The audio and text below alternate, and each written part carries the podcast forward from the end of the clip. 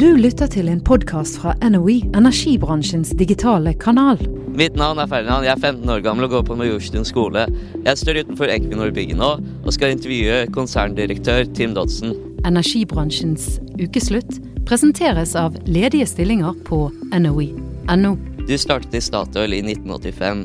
Det var året da a-ha kom med hiten 'Take On Me', og kommunestyret i Lillehammer vedtok at de skulle søke om vinter-OL. Det er lenge siden. Hvordan var din første arbeidsdag? Eh, Min første arbeidsdag var i, var i Harstad uh, i august 1985. Og det var omtrent like fint vær som det er her ute på, på Fornebu nå. Og mm, jeg husker at jeg ble overrasket over hvor uformelt det var. Eh, sjefen min var ikke der når jeg, når jeg kom på kontoret, men han kom etter hvert. Og han hadde på seg eh, shorts og en hawaiiskjorte. Eh, og på slutten av dagen så var vi ute på fjorden og, og, og, og fiske liksom i, i voldsomt fint vær, og, fikk mye fisk. Det var faktisk min første arbeidsdag i, i, uh, i Statoil. hvorfor søkte du på jobb i Statoil? Ja, øh, hovedsakelig fordi jeg hadde flyttet til Norge. Jeg er gift med en norsk dame fra, fra Sandefjord. Eh, Jeg jobbet for en utenlandsselskap på, på det tidspunktet, der, og, og syntes det var naturlig å søke, søke meg nærmere Norge. Da. Og valget falt på Statoil, vil- si at de, de valgte meg. Da. Så det, det var hovedgrunnen. Var du opptatt av klimaendringene i 1985? Må jeg ærlig talt si at jeg ikke var det. Liksom at det var lite, lite bevissthet rundt det. Um, jeg jobbet uh, ute på rigg liksom i 1985. Jeg hadde gjort det i fem år, også i utlandet. Og det det var mest fokus på det, det var egentlig miljø. uh, med sånn uh, ytre miljø. Liksom, og, og det med utslipp. Så ikke så mye på, så mye på klimaperspektivet. Mm. Du er ansvarlig for leting. Hvordan finner dere ut hvor dere skal lete etter olje og gass? For å kunne se ned i, i, i undergrunnen, så bruker vi, bruker vi seismikk.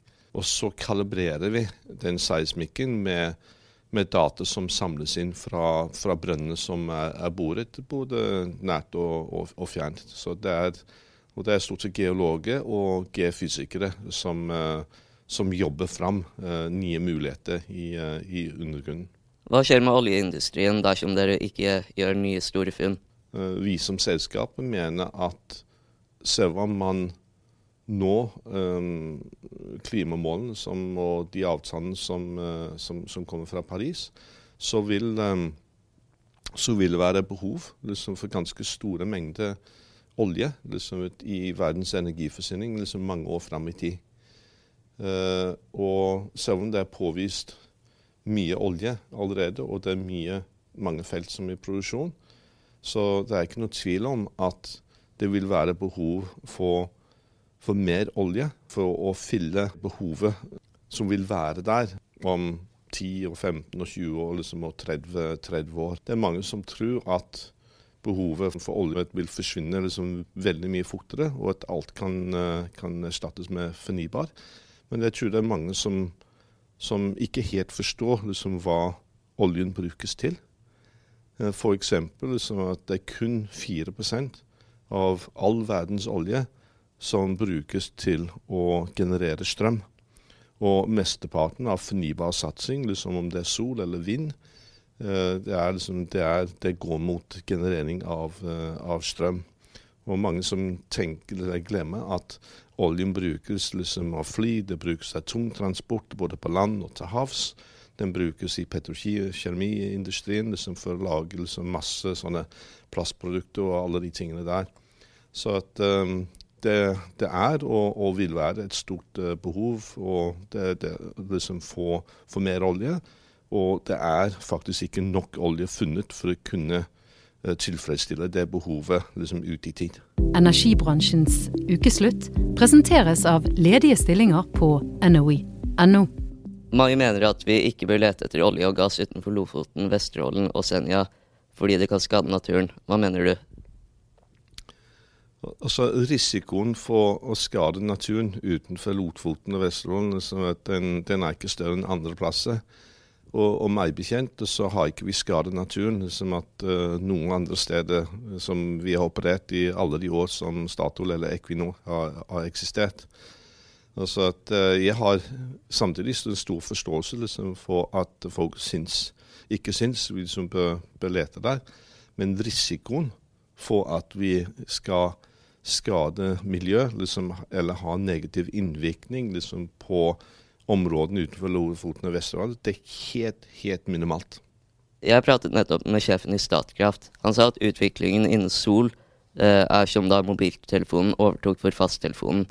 Mange tror at vi om en stund ikke klar, vil klare å selge vår olje og gass. Hva tror du? Nei, jeg har vært inne på det i stad. Jeg, jeg, deler ikke, jeg deler ikke det synet der. Også at uh, Jeg kjenner det som at en rivende utvikling innenfor fornybar, men det må det også være. Liksom, skal man tilfredsstille liksom, de målene som er, som, som er, satt i Paris. Man må huske på at man, uh, man starter liksom, fra et veldig veldig beskjedent nivå når det gjelder fornybar uh, energi. Og, og, at man må vokse liksom, et, mange, mange ganger liksom, for at man skal liksom, ha et, et vesentlig innslag i verdens energibilde og det behovet eh, det globale samfunnet som samfunnet har.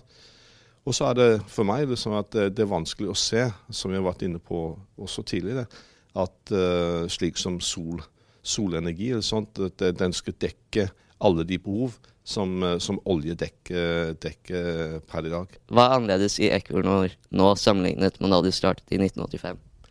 Åh, nei, det, det er mange det er, det er, mange ting, men altså det, er, det, det, er, litt vanskelig å si hva som å sammenligne nå med deg. For du, du er egentlig alltid på, på, en reise der ting utvikler seg gradvis liksom over, over tid.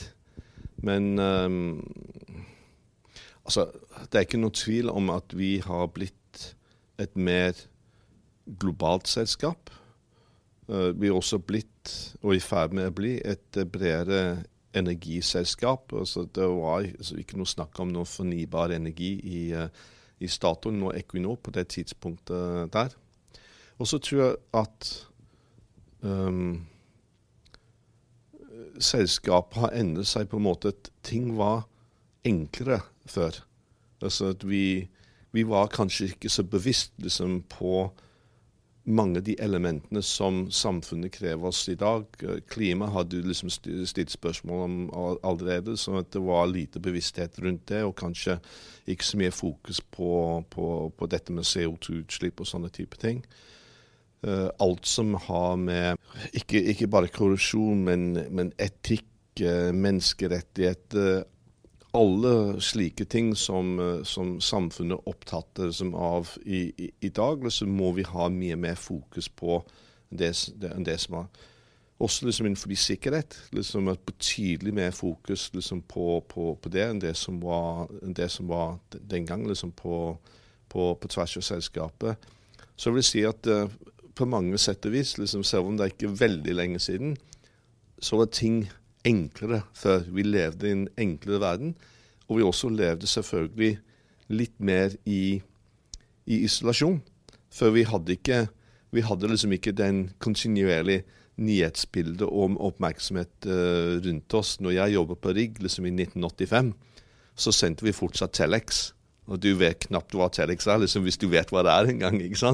Så liksom at vi sendte der, liksom, Vi hadde ikke mobiltelefoner du hadde liksom ikke den 24-7 liksom et uh, nyhetsdekning og sånne type ting. Liksom, du fikk tid å tenke deg om og sånt. Så det var, det var liksom i det hele tatt liksom en, uh, en mye enklere, enklere verden å, å, å, å, jobbe i. da. Energibransjens ukeslutt presenteres av ledige stillinger på NOE.no. Jeg er 15 år. Hvorfor bør man vurdere å studere uh, i oljebransjen?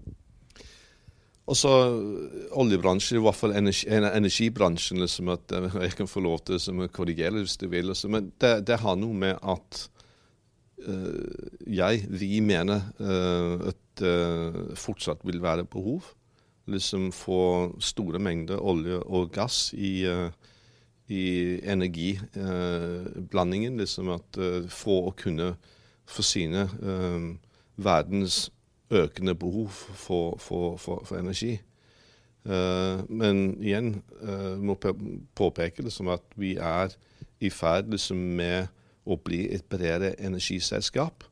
Så hvis jeg snur spørsmålet, så sier det som at uh, man skal ikke bare jobbe med, med olje og gass liksom i Equinor, man skal også få anledning til, til å jobbe med fornybar energikilde. Som at man tenker liksom at, på Statoil som et bredt energiselskap. Liksom, og at man aksepterer at det er stort behov liksom, for, for, for, for, energi.